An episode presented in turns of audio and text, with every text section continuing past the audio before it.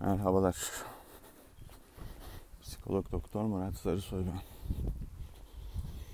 Psikoloğun seyir defteri 75. bölüme geldik. Şaka maka 75. podcastimizi dolduruyoruz. Ben konuşuyorum. Sizler dinliyorsunuz. Şimdi inatla ve ısrarla gerek yürüyüşte gerek evde gerek klinikte yemekten önce yemekten sonra fırsat buldukça ben bu podcastleri doldurmaya devam edeceğim gibi görünüyor. Bugün ne üzerine konuşacağız? Bugün toksik ilişki üzerine konuşacağız. Nedir toksik ilişki? Nasıl bir şeydir? Nasıl anlaşılır? Toksik ilişkide olduğunuzun işaretleri nelerdir? Ben bunların klasik her zaman gibi tersten yaklaşımımla hiçbirini umursamayacağım. Hiçbirinin üzerinde de durmayacağım.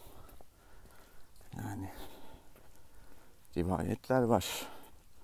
İşte efendim son dönemde her yerde bu kavramı görüyormuşuz.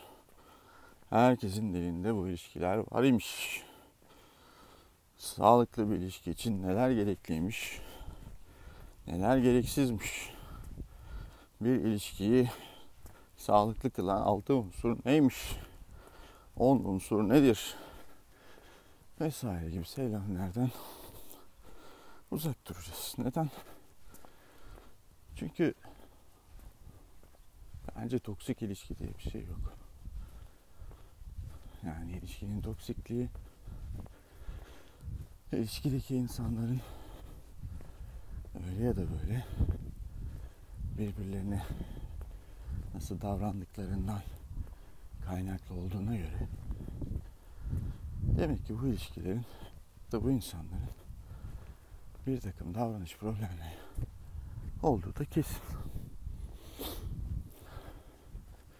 Çok dik bir yokuşa başladım.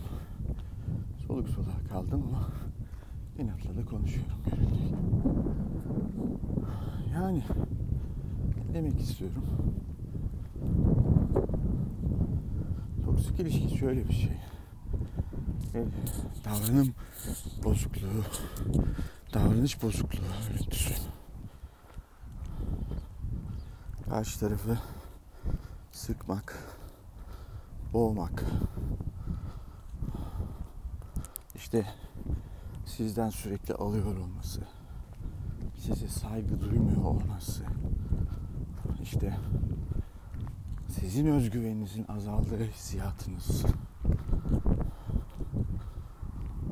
onu bir türlü iyi haliyle, güzel haliyle bulamıyor olmanız, onu hırpalamamak için, onun alınganlığından kaçınmak için her türlü şekle giriyor olmanız, onun neşesini yerine getirmek için enerji harcıyor olmanız, sürekli eninde sonunda sizin suçlu oluyor olmanız. Bütün bunlar açık konuşmak gerekirse karşı tarafın davranış problemlerinden ya da kişilik problemlerinden kaynaklanıyor. Zaten bu kadar çok davranış problemi varsa ortada kişilik problemi. Bu kadar çok kişilik problemi varsa zaten bunların hepsinin bir araya gelmesinden kaynaklı olarak da ortaya kişilik bozuklukları çıkıyor. Yani diyeceksiniz iyi uğraştığımız o insanlar kişilik bozukluğu mu? Ya da tabiri caizse hastalar mı? Evet öyle de denilebilir. Yani ya hastalar tanısı konmuş net bir takım uzmanlardan yardım alan ya da yardım alması gereken insanlar ya da hastalığın eşiğinde insanlar. Ama biz bu hastalığın eşiğinde insanları ne yapıyoruz? Yüceltiyoruz. Neden yüceltiyoruz? Çünkü işimize gelmiyor. Yani sonuçta herhangi bir şekilde birlikte olduğumuz adamın ya da kadının hasta olması fikri ruhsal sağlığının bozuk olması fikri hoşumuza gitmiyor. Neden gitmiyor? Çünkü biz onu tercih ettik. O bizim tercihimizdi. Ve dolayısıyla bu tercih de açık konuşmak gerekirse yanlış ata oynamış olma fikrini beraberinde getiriyor ki bizim o yüksek egolarımız modern toplumda özellikle metropolde ya da büyük şehirlerde ya da şehirlerde yaşayan insan olarak egolarımız fark etmez bu sonuç itibariyle küçük şehirlerde ya da taşrada yaşayan insanlar da için de geçerli. Bu egolarımız nedeniyle durumu kabul edemiyoruz. Neden kabul edemiyoruz? Çünkü sürekli özverili, saygı dolu, olumlu, fedakar, cesaretlendirici, motive edici, güvenilir, şefkatli bir insan beklentisi içerisindeyiz. Peki bu beklentimiz neden gerçekleşmiyor? Çünkü yanlış ata oynadık. Yanlış ata oynadık ama kabul etmek istemiyoruz. Peki niye kabul etmek istiyor, istemiyoruz? Diyorum ego yapıyoruz işte. Hayır ya ben yanlış bir tercih yapmış olamam. Karşımdaki insan hasta olamaz. Ya olabilir. Yanlış tercih yapmışsındır. Öyle bir seçim olmuştur. Ya yıllar geçti. İşte evlendik biz artık. Çoluğum çocuğum var benim.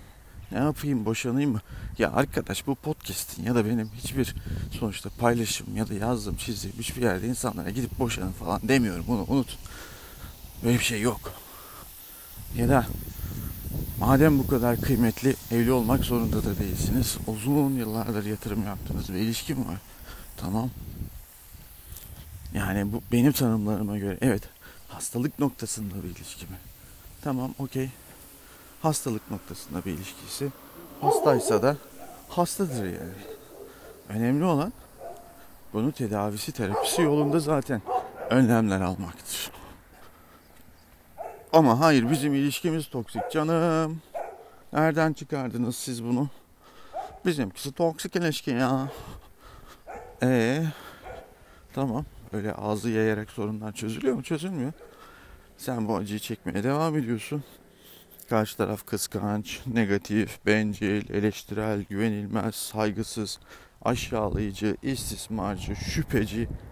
Ya kardeşim düşündüğünde bu doğrudan bizim ee, en son çıkmış olan nedir?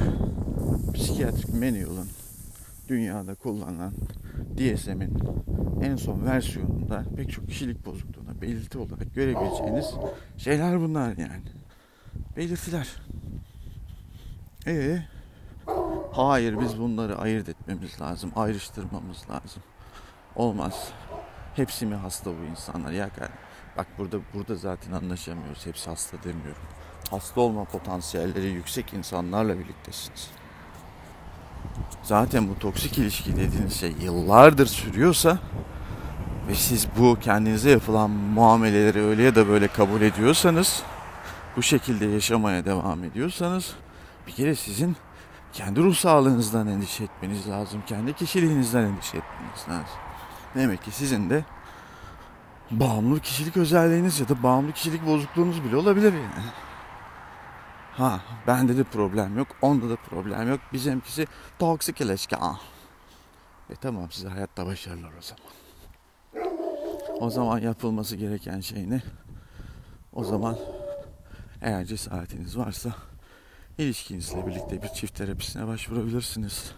Zaten başvurduğunuz çift terapisti gerçek bir terapisti, gerçek bir psikologsa, iyi, kaliteli, makul, mantıklı bir insansa İkinizi gördükten gerekli testleri, uygulamaları yaptıktan sonra bak kardeşim sizin çift terapi almanızdan önce ikinizden birinizin ruhsal bir yardım alması lazım. Burada ciddi bir patoloji var diye sizi uyarır.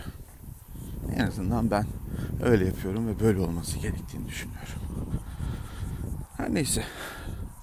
Toksik ilişkiyle ilgili olarak benim söyleyeceklerim bunlar.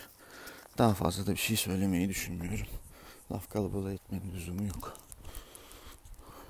Kendinize çok iyi bakın. Mutlu kalın. Huzurlu kalın. Sevgiyle kalın. Hoşça kalın. Psikoloğun Seyir Defteri podcastleri devam edecek.